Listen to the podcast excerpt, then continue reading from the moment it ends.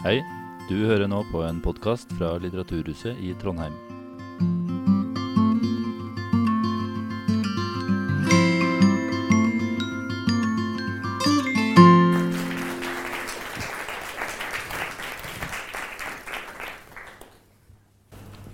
Velkommen til Sakprosafestivalen i 2020. Kanskje det første kulturarrangementet mange er på siden mars. Det er i hvert fall utsolgt. Det er 50 stykker her. Jeg vet knapt om jeg har vært i en større forsamling.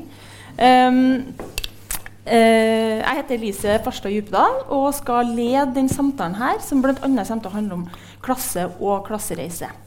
Jeg sitter her med to veldig spennende personer som også har spist to frokoster sammen. Så de har funnet veldig mange berøringspunkter. Så det er mulig vi beveger oss litt utafor beskrivelsen av samtalen. Men jeg skal gjøre mitt beste for at den besvarer mange av de interessante spørsmålene som har vært reist i begge deres to bøker. For med meg så er jeg så heldig å ha Bjørn Hatterud og Ole Torstensen for å snakke om klassereise. Og det er jo det store spørsmålet. Fins det klassereiser i 2020? Hvordan ser de i så fall ut? Og hvis det finnes klassereiser, så må det vel òg finnes klasser. Et ord som f.eks. et parti som SV har slutta å bruke for lengst. Partiet Rødt bruker det fortsatt, men der plasserte jeg også samtalen litt sånn politisk. Uh, det er i hvert fall noen av de spørsmålene vi kommer til å snakke om her i dag. Og det er jo en bokfestival, på en måte, Sakprostafestival. Så jeg vil gjerne at vi starter litt med at dere sier noe om hvordan dere har jobba med tematikkene klasse og klassereise i arbeidene deres. Og med arbeidene deres så er det jo her først og fremst tekst, men arbeid kan jo også være andre ting, som Ole bl.a. har skrevet om. Så jeg lurer på, Bjørn, har du lyst å si noe om eh, hvordan du har jobba med klasse og klassereise i de eh, arbeidene du har eh, gjort? Ja, det kan jeg godt. Uh, hører dere meg greit? Ja. Um, jeg har, er jo her pga. Ja, egentlig kanskje mest pga. ei bok jeg ga ut i vår som heter 'Mjøsa rundt med mor'. Men kanskje også litt pga. ei bok jeg ga ut for et par år siden som heter 'Mot normalt'. De kan tilfeldigvis kjøpes der ute etterpå. Det var flaks for meg. Um, de bøkene her uh, er, uh, handler om jo mer enn uh, klasse og klassebakgrunn og klassereise. Uh, men det med klasse er en, uh, en sentral side ved uh, fortellingen i bøken. Fordi jeg sjøl kommer fra en arbeiderklassebakgrunn. faren min er utdanna landbruksmekaniker. Så når mor møtte far, så syntes hun at hun hadde gjort et varp og funnet en svært velutdannet mann. Han hadde vel ni år skole. Uh, og broren min er bilmekaniker. Jeg kan si kort om hva jeg gjør ellers, utenom å skrive de bøkene her. Uh, så uh, driver jeg bl.a. i billedkunstfeltet, der jeg har skrevet mye kunstkritikker og kommentarstoff.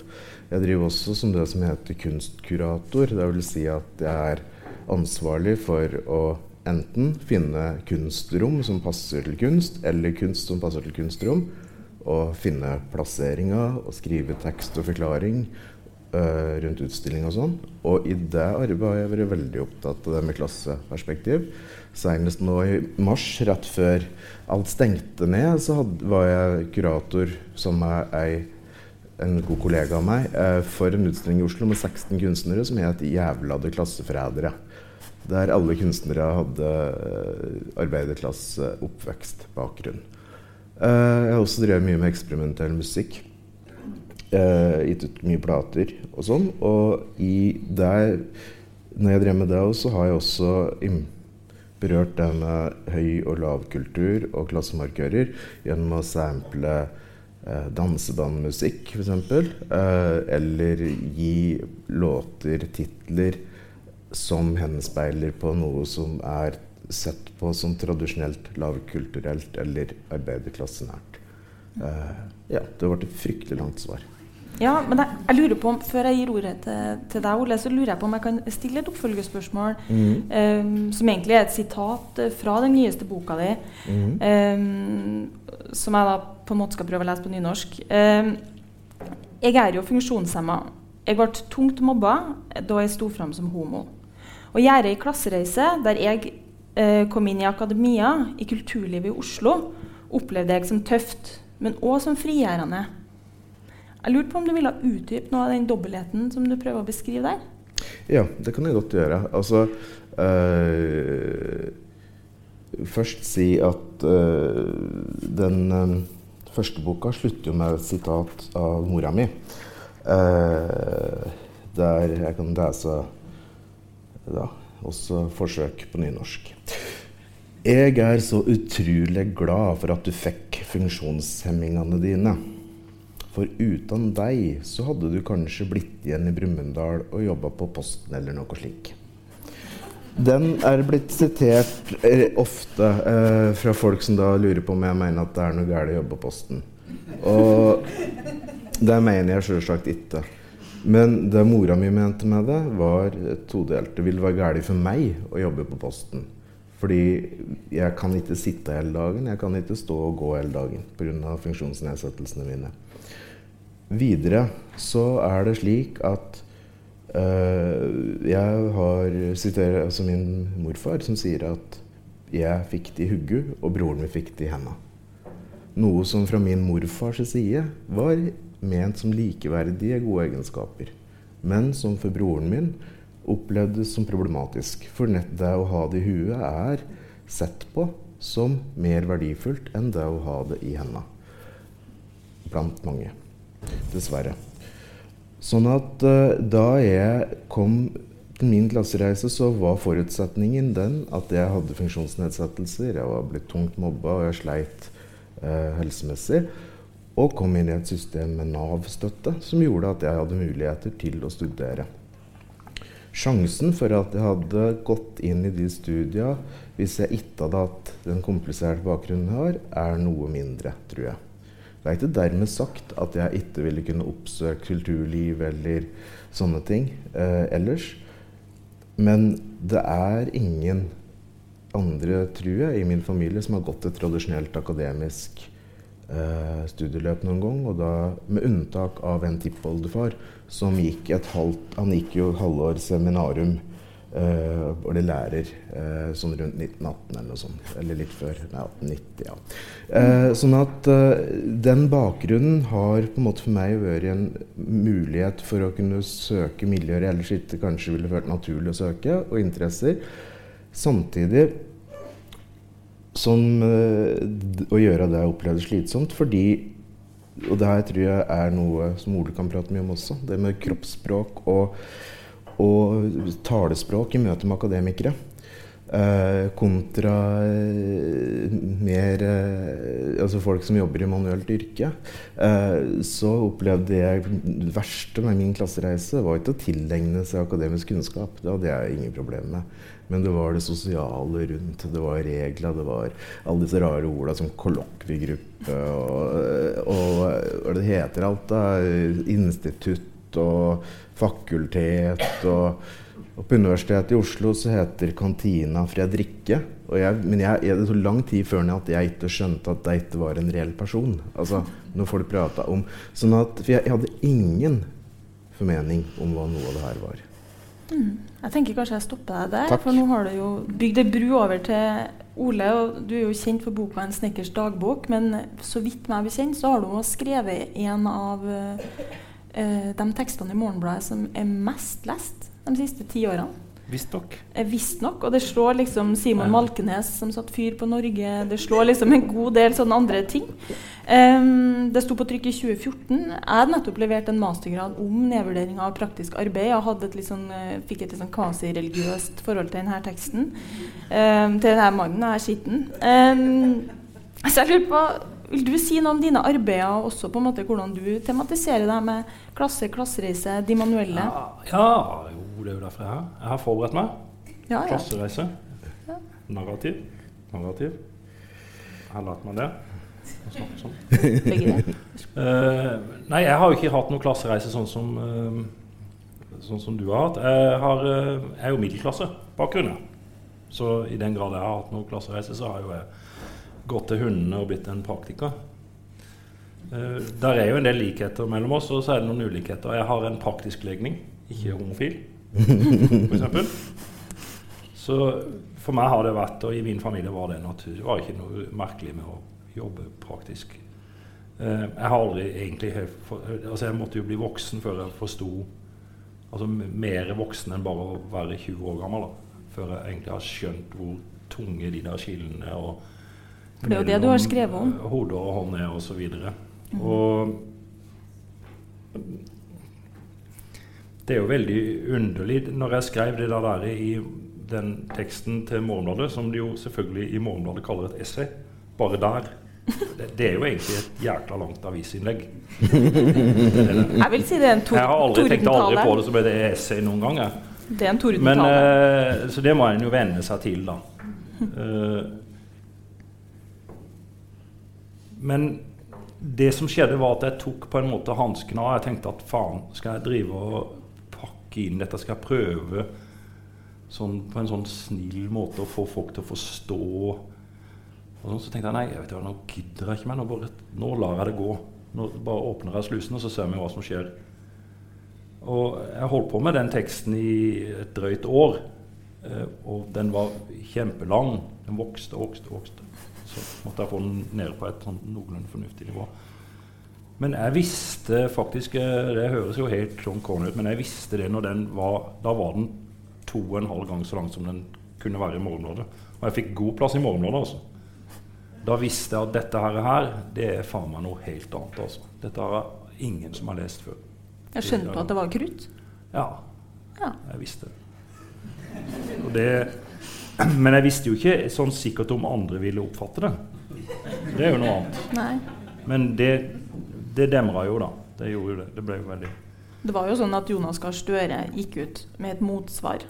Så da har man jo på en måte truffet en nerve. Jo, jeg sitter jo og leser da alle mulige ting, og bl.a. hans eh, greier. Og det er jo på en måte smigrende. Men samtidig så er det jo dette, det, et sånn tekst da, som en bok Det er jo litteratur, da. Noe av det jeg tenkte, jeg har tenkt hele tida Faen, så dårlig de skriver.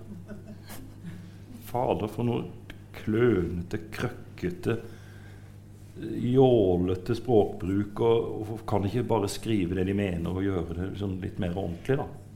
Så det er sånn underlig å, å, være en del av en hvilken som helst debatt hvor en uansett hvordan en snur og vender på det, ender opp med å kvalitetsvurdere motstanderne eller, eller sånn. da, Og jeg blir sjelden imponert. Og det er noe av det som på en måte for meg sånn klasse Jeg prøver ikke å være spesielt presis når det gjelder begrepene klasse eller noe som helst. og jeg driter en lang marsj i Rødt eller SV eller Høyre eller Jeg, jeg er ikke interessert i, i det der, der egentlig.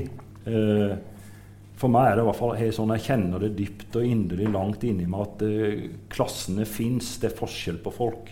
Mm. Folk, folk, kan ikke komme og fortelle meg at ikke det er forskjell på folk her i landet og i samfunnet. Og jeg trenger ikke noe sånn der eh, presis statsvitenskapelig eller samfunnssosiologisk definisjon av det. Det er mer enn nok uh, hold i det. Det, da. For der lurer jeg på om jeg kan følge opp litt, for uh, det kan jo du si, men du skriver jo veldig tydelig, og det er jo en gudegave ikke alle har. Med eller uten eller lang eller kort utdannelse. For du skriver bl.a. at når en fra den akademiske middelklassen blir ingenting, er det et tap for samfunnet. Når en manuell blir ingenting, har vi en taper. Ja, sånn er det jo. Du snakker om du sendte en mail nå før det her hvor, hvor, du, hvor du, hadde tenkt på sånn at det er en klassevandring på en måte hvor middelklassen faller. Og det blir jo presentert. Man sitter jo i Norge og diskuterer den katastrofale situasjonen for deler av den amerikanske middelklassen. I det hele tatt uh, amerikansk problematikk, da. Og det kan vel være at det skjer, og det kan vel være at det skjer i Norge, og at uh, men altså, hvis en skal ta på alvor begrepet middelklasse, noe jeg gjerne gjør fordi eh, en av yndlingshobbyene mine er å gå løs på middelklassen. Så det er kjempegøy. Veldig takknemlig òg, fordi at de er så middelklassen Sikkert 90 her inne er middelklasse, vil jeg tro. Eh, er generelt veldig lett å såre og fornærme og få litt i gang, da. Eh, men, men hva, hva, da? Ok, middelklassen har et problem med å få hjula til å gå rundt og ha det, ha det vanskelig. Hva med de under, da? Det er noen under. Eller så er det ikke en middelklasse. Så hvis de som har det middels bra, har det vanskelig, hva har da de som ikke har det middels bra engang? Hvordan har de det? At jeg skjønner ikke at ikke det går an å spørre seg om det. Det er det samme i Norge. Alt mulig av, som kommer ut hver eneste gang det kommer ut en eneste forskningsrapport eller undersøkelse på levekår, lønnsutvikling, alt mulig i dette landet her, så viser det seg det at de laveste 30 prosentene, til og med i Norge, går, strever. Det går dårligere og dårligere. Går markert dårligere. Frisch-rapporten 30 forskjell i utvikling i kjøpekraft mellom middelklassen og de laveste 20-30% av befolkningen i Norge. 30% Skal vi snakke lønnsforhandlinger, eller hva skal vi gjøre? Hva er det dette her egentlig dreier seg om? Det er ikke noe og Definisjonsmakta, språk, alt handler om form. Middelklassen behersker alt sammen. Sitter med bukta av begge hendene. Sitter og kontrollerer politikken i stor grad. Sitter og kontrollerer byråkratiet, administrasjon, økonomi. Alt sammen. Det er middelklasse, for å si det som, som, som parafrasere det etter en eller annen politiker. Middelklasse, middelklasse, middelklasse. Mm. Sant? Ja, ja, vi mista jo Robert liksom, Eriksson. Robert Eriksson var jo den siste med liksom fagbakgrunn. Nå er det korona, så nå skal vi få vaskehjelp av sykepleieren.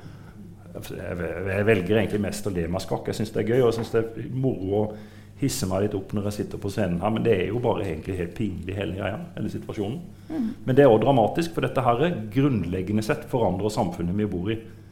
Dette samfunnet kommer ikke til å være det samme om 10-15 år som i nærheten av de idealene som vi liksom skal tufte hele dette her på med velferdsordninger og et egalitært samfunn osv. Vi driver og ødelegger det. Vi ødelegger landet vårt og samfunnet vårt. Det er det vi driver med nå, mm.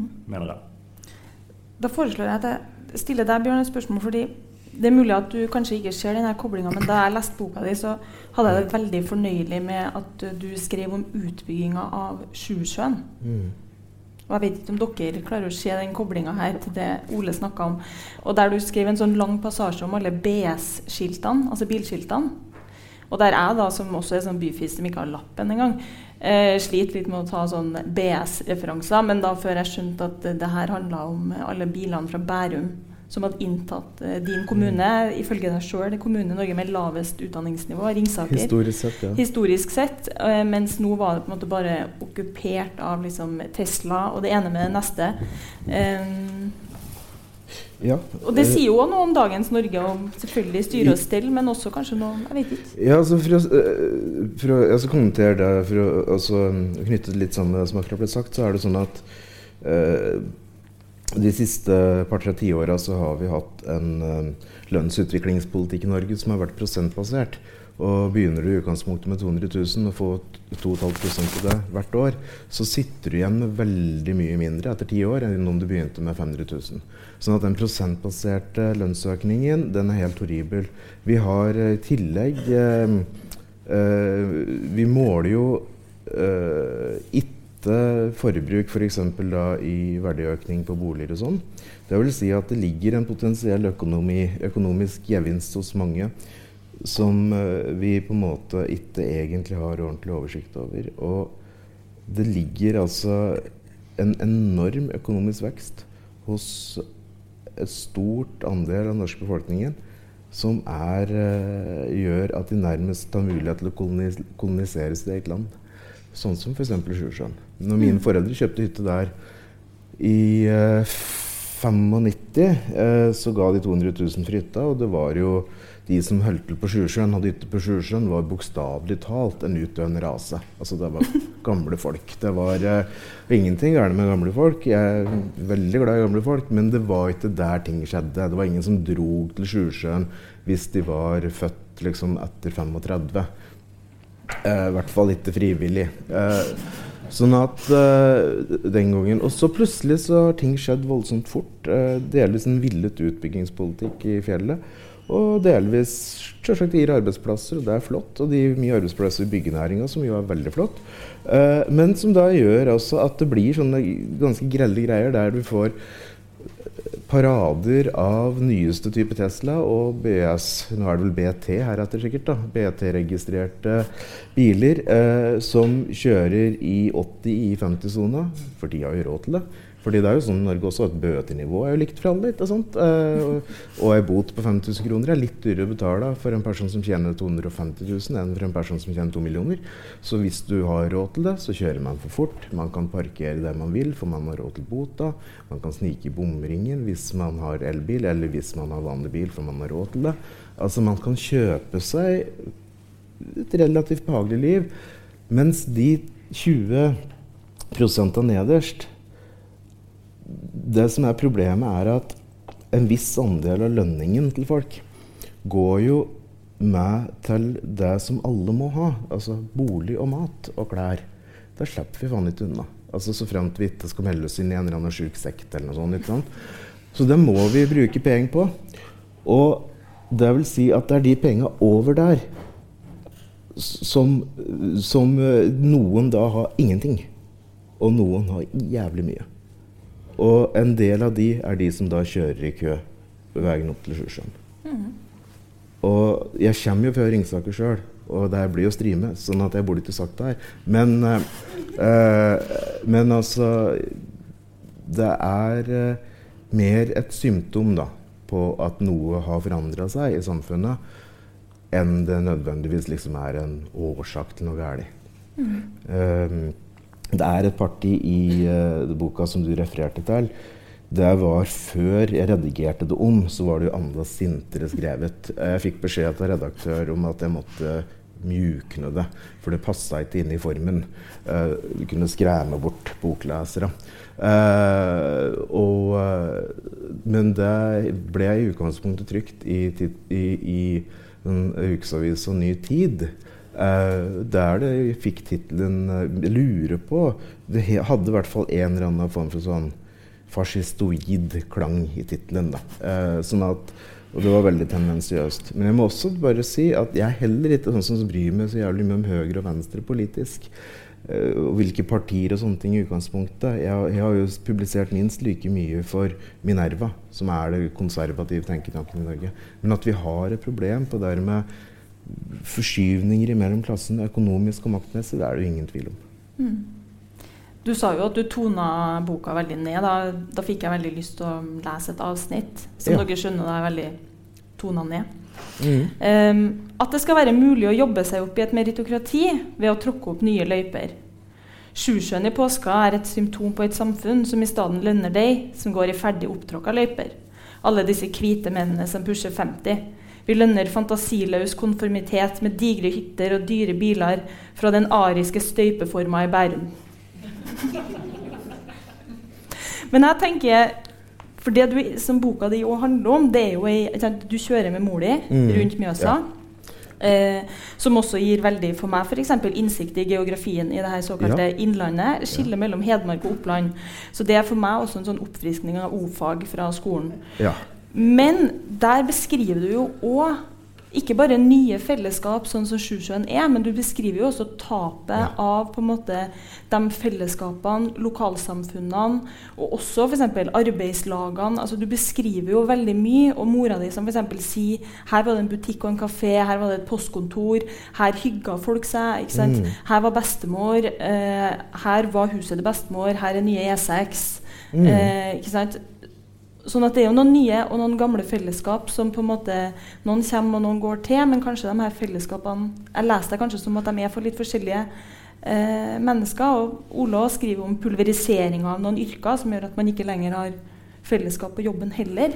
Men jeg lurer på om du vil si noe om det Jo, det kan jeg godt gjøre. Jeg vil poengtere at denne boka er jo mye koseligere stort sett da, enn akkurat det partiet ja, du leste. Ja, eh, det, er, eh, det, er, mange tanter som er glad i denne boka her, blant annet, så det er en snill bok. Men uh, den Det dreier seg jo altså, jo, Samfunnet har jo utviklet seg enormt på 30 år, naturlig nok. Hallo, det er teit ting å si. Men det, en av de viktige tingene som har skjedd, er jo at folks uh, geografiske mobilitet har blitt så veldig mye større. Altså, folk uh, Fram til korona, vel å merke, så var det slik at folk da var i fly til utlandet i Eininga, som det heter på Øymarken. Uh, og folk uh, reiste mye mer på ferietur innad i Norge også. Enda viktigere er selvsagt internetts komme. Altså det At folk kan finne seg partner på tvers av kommunegrensa, og kanskje til og med hvis den er skikkelig gæren, så kunne en hedmarking finne ei fra Oppland. Eh, nå er de slått sammen.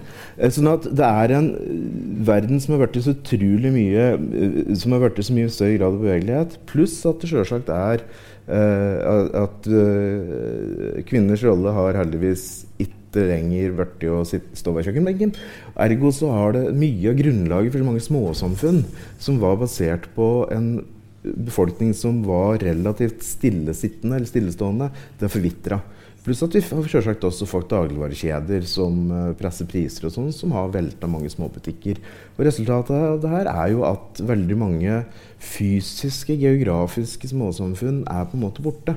Uh, i hvis jeg skal liksom late som jeg, har, liksom, som jeg har en sånn akademisk side, så er det noe som heter space place-teori. Uh, space er det rommet vi er i. Place er den uh, nytten, bruken, de konnotasjonene, assosiasjonene, sosiale rom osv. som da er i et space. Så du kan si at space, uh, altså rommet i de bygdene, er på en måte samme. Det er de samme husa som er der. Men bruken alt har endra seg fordi postkontoret er borte, bibliotekfilialer er borte. Uh, Busstopp er borte, velforeninger er lagt ned, møteplasser med parkbenker og sånn er blitt borte osv. Uh, mange steder har forsamlingslokaler blitt solgt de senere åra. Bedehus Grendeskolen Grendeskolen er lagt, bedehus blir solgt osv. Alle mulige sånne geografiske, fysiske møteplasser blir borte. Sånn at uh, Og en kan si uh, mye om verdikonservativisme. Men én ting som har vært veldig bra med den måten å tenke på, er at nettopp det nære, det desentraliserte, det lokale og det tradisjonsbaserte kan være et bolverk mot alt som skal gå så fort, lønne seg så veldig. Eh, og eh, det er jo sånn at vi har på en måte tapt en form for sånn, form for sånn uh, satt av verdier da, rundt det å være knyttet til et område. Det finnes unntak. I Oslo f.eks., der det fremdeles er kafékultur og sånn, som der folk gjerne knytter seg til et sted mm. osv. Men, mm. men særlig utenfor, på bygdene så er det veldig forandra. Mm. Ole, jeg vet ikke om du har lyst til å følge opp noe på det, eller vil ha et annet spørsmål? Eller eh, hvor du står der? Vet ikke hva du sitter og tenker på. Sånn tomt. Du kan godt stille spørsmål ja, fordi altså, jeg, jeg ser jo ei bru her, da, men altså, det er nå bare meg. Men, eh, for du har jo skrevet en del om det her såkalte kunnskapssamfunnet. Og hva det inkluderer, og hva det ikke inkluderer. Eh, og så har du brukt begrepet da, kunnskapssamfunnets akademiske nirvana. Eh, ja. Og jeg syns det er litt interessant at vi på en måte baserer all politikk i dette landet for det var der det var koblinga til deg, da, Bjørn, på at på en måte framtidas samfunn vil være liksom uten noe som helst praktisk arbeid. For Hvis man leser politiske dokument, det her kunnskapssamfunnbegrepet, det betyr i praksis det at liksom vi skal leve av bare høyere utdanning. Og så har jeg jo sett at det blir sånn automatiske sånn søppelhåndteringssystem. Men bortsett fra det så forstår jeg ikke helt resten av det her regnestykket. Hvem skal bygge hus? De, de, liksom, det er jo en merkelig Det er jo men hva er en sånn mytologi, dette her. Fordi For det første så Kunnskapssamfunnet er kunnskap Er det en ny Er det, omfin, er det en oppfinnelse, ja. dette? 2010, tror jeg. Er det, er det, hvor, det, hvor var det de Ja, ikke sant? Folk jo, kan jo nå ha kunnet noe før. Dette er jo, er jo, det er jo sivilisasjonsbygging vi snakker om da, på et eller annet vis. Og så, sånn at, Men uh, Og faktum er det at uh, det praktiske, manuelle arbeidet og det som kreves hvor man snakker om lav eller ingen utdannelse, det utgjør over halvparten av jobben som, jobbene som finnes i dag. Og det vil det gjøre i overskuelig framtid. Jeg vil jo gjette på at en masse av de jobbene som eh, i dag utføres, som, som, som, på en måte fordrer en annen form for høyere utdannelse, er mye lettere å automatisere eller flagge ut enn en del manuelt arbeid. Det tror jeg. Jeg kan ikke skjønne hvorfor man trenger å ha ingeniørene til å sitte i Norge. De kan sitte i Kina. Det er ikke noe. Vi har internett. Men det er sabla vanskelig å montere den bærebjelka i Kina. Den må gjøres i Oslo eller der en jobber. Sant? Eh, det er det ene. Men det, så handler det jo om et syn på arbeidet. Hva, hva er det som har noe verdi? Er det For er det egentlig det det handler om? Eh, på et vis. Ja, litt er det det. Er det. Og um, jeg pleier å snakke like, Et sånt begrep jeg liker Jeg vet ikke om det er noen andre som har funnet på det, eller om jeg har funnet på det sjøl. Det er ofte litt tåkete, det der. Men det er at uh, Jeg tenker at uh, folk med det som defineres som høyere utdannelse, da Det fins et slags, slags, behov for en akademisk um, eksistens Behov for en akademisk eksistensberettigelse. At alle mennesker vi, har, vi er jo driftige folk. folk. folk. vil gjerne gjøre noe og ha, en, ha det, skal, det, de gjør, skal ha en betydning for, for seg sjøl og for verden. da egentlig til syvende og sist. Så handler jo det om å bety noe for omgivelsene sine. Og her er akademikere som alle andre folk, f.eks. Det er ikke noe forskjell. Og det betyr at når du da får Hvis du går på skole, så tar du studiespesialisering. Jeg håper dere skjønner hvor helt håpløst det begrepet er. Det er jo det stikk motsatte. Ja. Studiespesialisering, det er å bli tømra, det. Sant? Men ok, så tar de det, og så går de på universitetet eller høyskole. Så fortsetter de i et utdanningsløp hvor et av målene er at vi skal drive livslang læring. Vi skal altså ha muligheten Et helt utdanningssystem lagt opp til at folk egentlig ikke lærer noe som helt spesielt. Prinsipielt sett så er det sånn. Disse menneskene de har et utrolig sterkt behov for likevel å sette et fotavtrykk på verden og ha en eksistensberettigelse.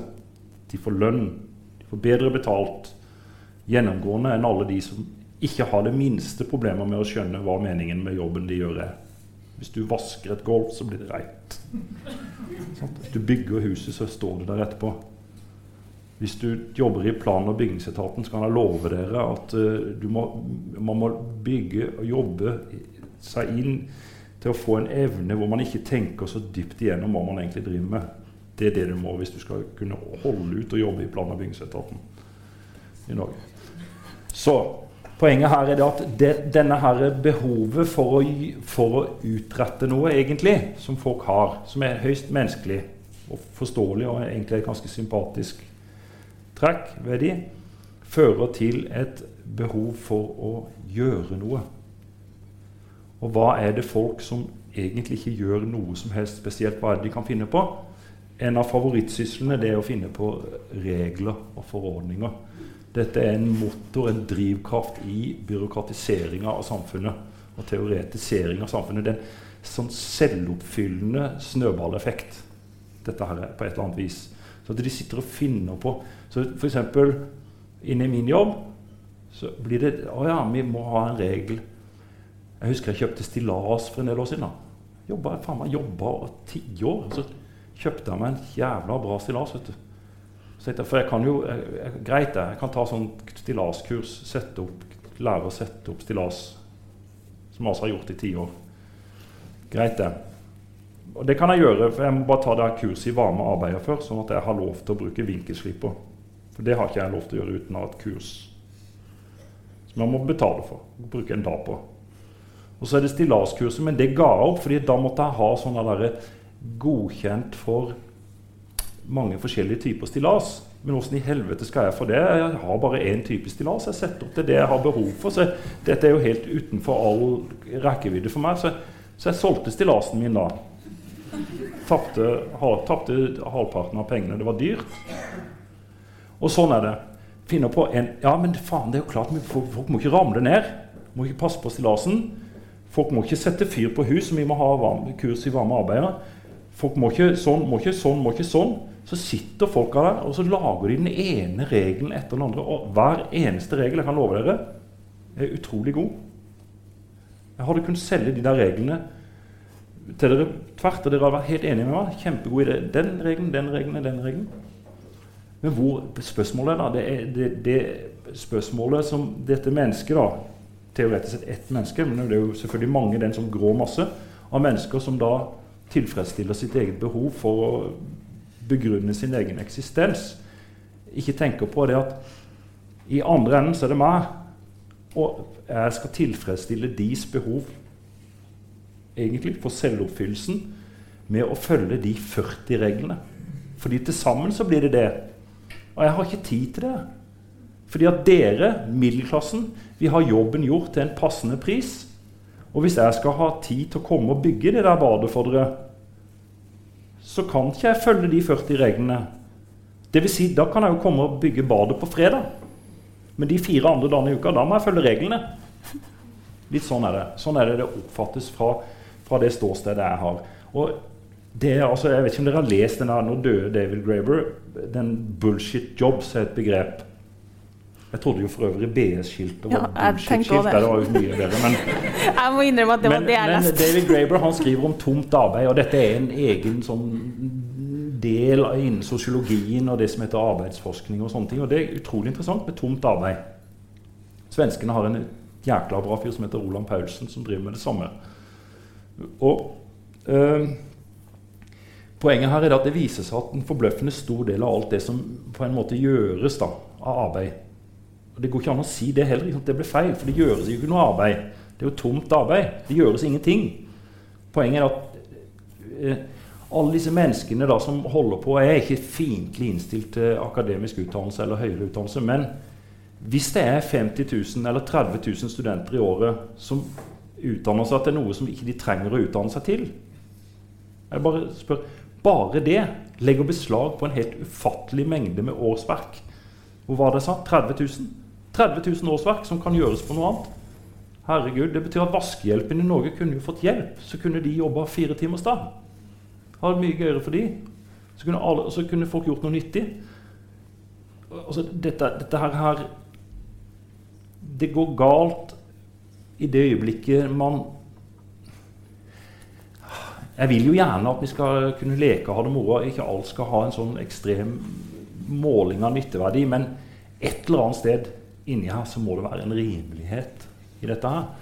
Arbeiderklassen i Norge og i hele verden har sjelden store problemer med å finne en mening i det de driver med. Rett og slett fordi at de gjør nyttig arbeid. Middelklassen derimot er jo tvungne til å dyrke et kulturliv og ha teater og alt mulig. Selvfølgelig er de det. fordi hvor skal de ellers finne meningen? da? De kan jo umulig finne den i jobben.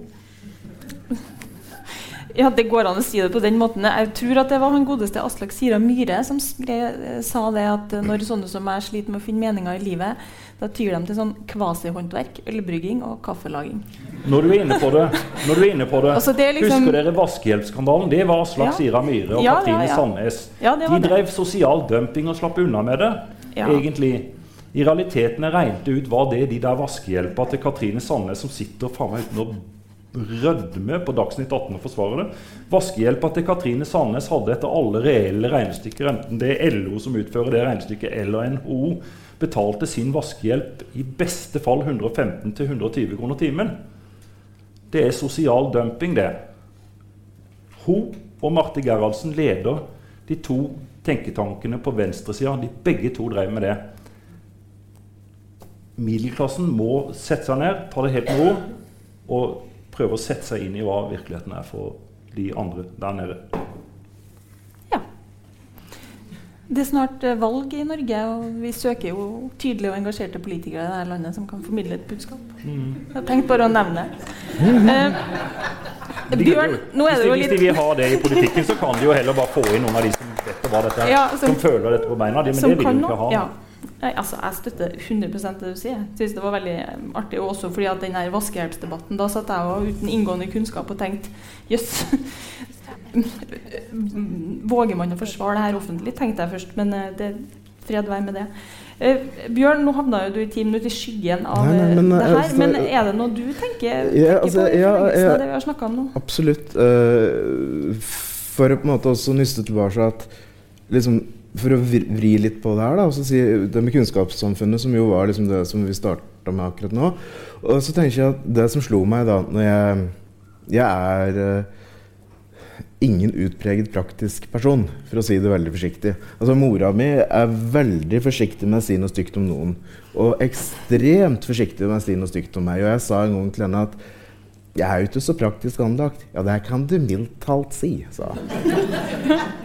Um, og det er sånn jeg er. Og, men det som jeg fikk da opplevelsen jeg leste, jeg leste uh, den boka uh, di, Ole, det er at det ligger jo så enorme mengder med kunnskap Sjølsagt i møte med byråkrati og, og uh, kalkyler og uh, lovverk og alt det her som du skriver en del om. Men i bare sånne ting som at et gulvbord på 10 cm kan utvide seg med 0,4 cm, var det vel hvis det ligger fuktig.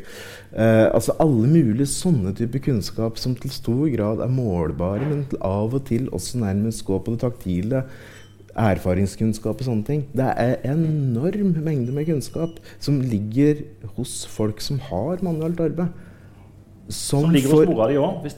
Oh, ja, ja, ja. Husmødrene er jo den store jo, jo, men, uh, si, praktisk kunnskapsbærer. Jo, absolutt. Og, men også, men selvsagt uh, begge foreldrene mine og broren min og egentlig det meste av slekta utenom meg, liksom. Uh, jeg er ikke adoptert, men men det er helt riktig. Det, er, det, ligger hos veldig mange.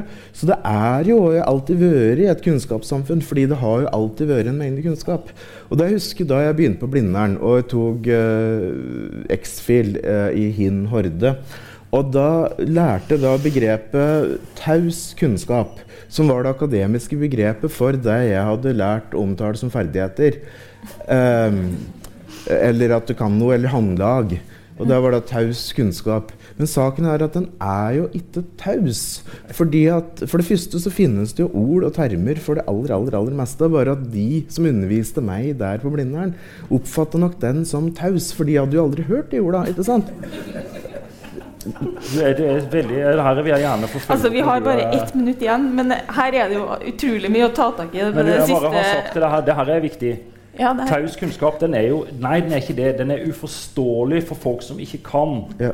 Men det er jo faen ikke min feil. det er det ene. Og det andre er at det er ikke noe taust over det hvis dere hadde stoppa meg i, midt i jobben et hvilket som helst øyeblikk. Dere kunne få velge hvilket øyeblikk dere vil de siste ti åra. Si, stopp, forklar hva du gjør. Jeg kan forklare det hver gang. Jeg gjør jo ingenting tilfeldig. Hvorfor skal jeg stå Jeg står ikke og slår inn en spiker bare fordi at uh, jeg hadde Faen, jeg var jo spiker og hammer, jo. Jeg kaster jo ikke bort tida mi. ikke sant? En, den spikeren sitter der fordi den har en funksjon, og den sitter på en helt bestemt måte fordi det er det beste for å opprettholde den funksjonen. Det er ikke taust i hele tatt. Fullt forståelig. Det er rasjonelt. Nemlig. Det som ikke er forståelig, derimot, det er masse teoretisk abstrakt kunnskap. Og den er også heller ikke spesielt rasjonell. Den er jo følelsesbasert i stor grad. At det er meg som er rasjonell. Er ikke, Jeg tenker kanskje egentlig at det var en, en fin avslutning. fordi Hva er målsettinga med en sånn her type samtale? Altså, det dere sier, altså Noe kan man jo selvfølgelig være uenig i, men det er jo på en måte ingen på et teoretisk plan som er uenig i verdsettinga av praktisk kunnskap. sånn at Tidligere i dag så snakka du jo om sånn når ble yrkesfag et sosialtiltak i skolen? ikke sant? Og Det er jo mange sånne store spørsmål man kan stille, som ikke egentlig har noen enkle svar, og som heller ikke man trenger å være helt enig i premisset, men som man på en måte forstår hvor kommer fra. Så jeg tenker egentlig at dette var en samtale til ettertanke, enten det er liksom BS eller BS eller Kunnskapssamfunnet eller eh, ja, det siste som ble sagt om skjult kunnskap, som òg på en måte er en jeg tenker dere setter veldig gode ord på det, fordi at skjult kunnskap altså Jeg jobber i feltet pedagogikk. Eh, hm? Taus kunnskap. Ja, taus kunnskap. Det brukes jo som et helt gjengs ord, men jeg tenker at det du sier, at det er noe man ikke klarer å sette ord på, kanskje er en vel så god definisjon som at det, det ikke er mulig å sette ord på det. Um, så jeg vil egentlig bare si tusen hjertelig takk. Det kan være at dere blir hengende rundt uh, på huset, så det er jo mulig å Still spørsmål, slå av en prat. Um, dere er i hvert fall veldig spennende å snakke med. Tusen takk for at jeg fikk lede samtalen med dere her i dag, må jeg si. Ikke i kveld. Takk for at du ble invitert. Takk for at du kom.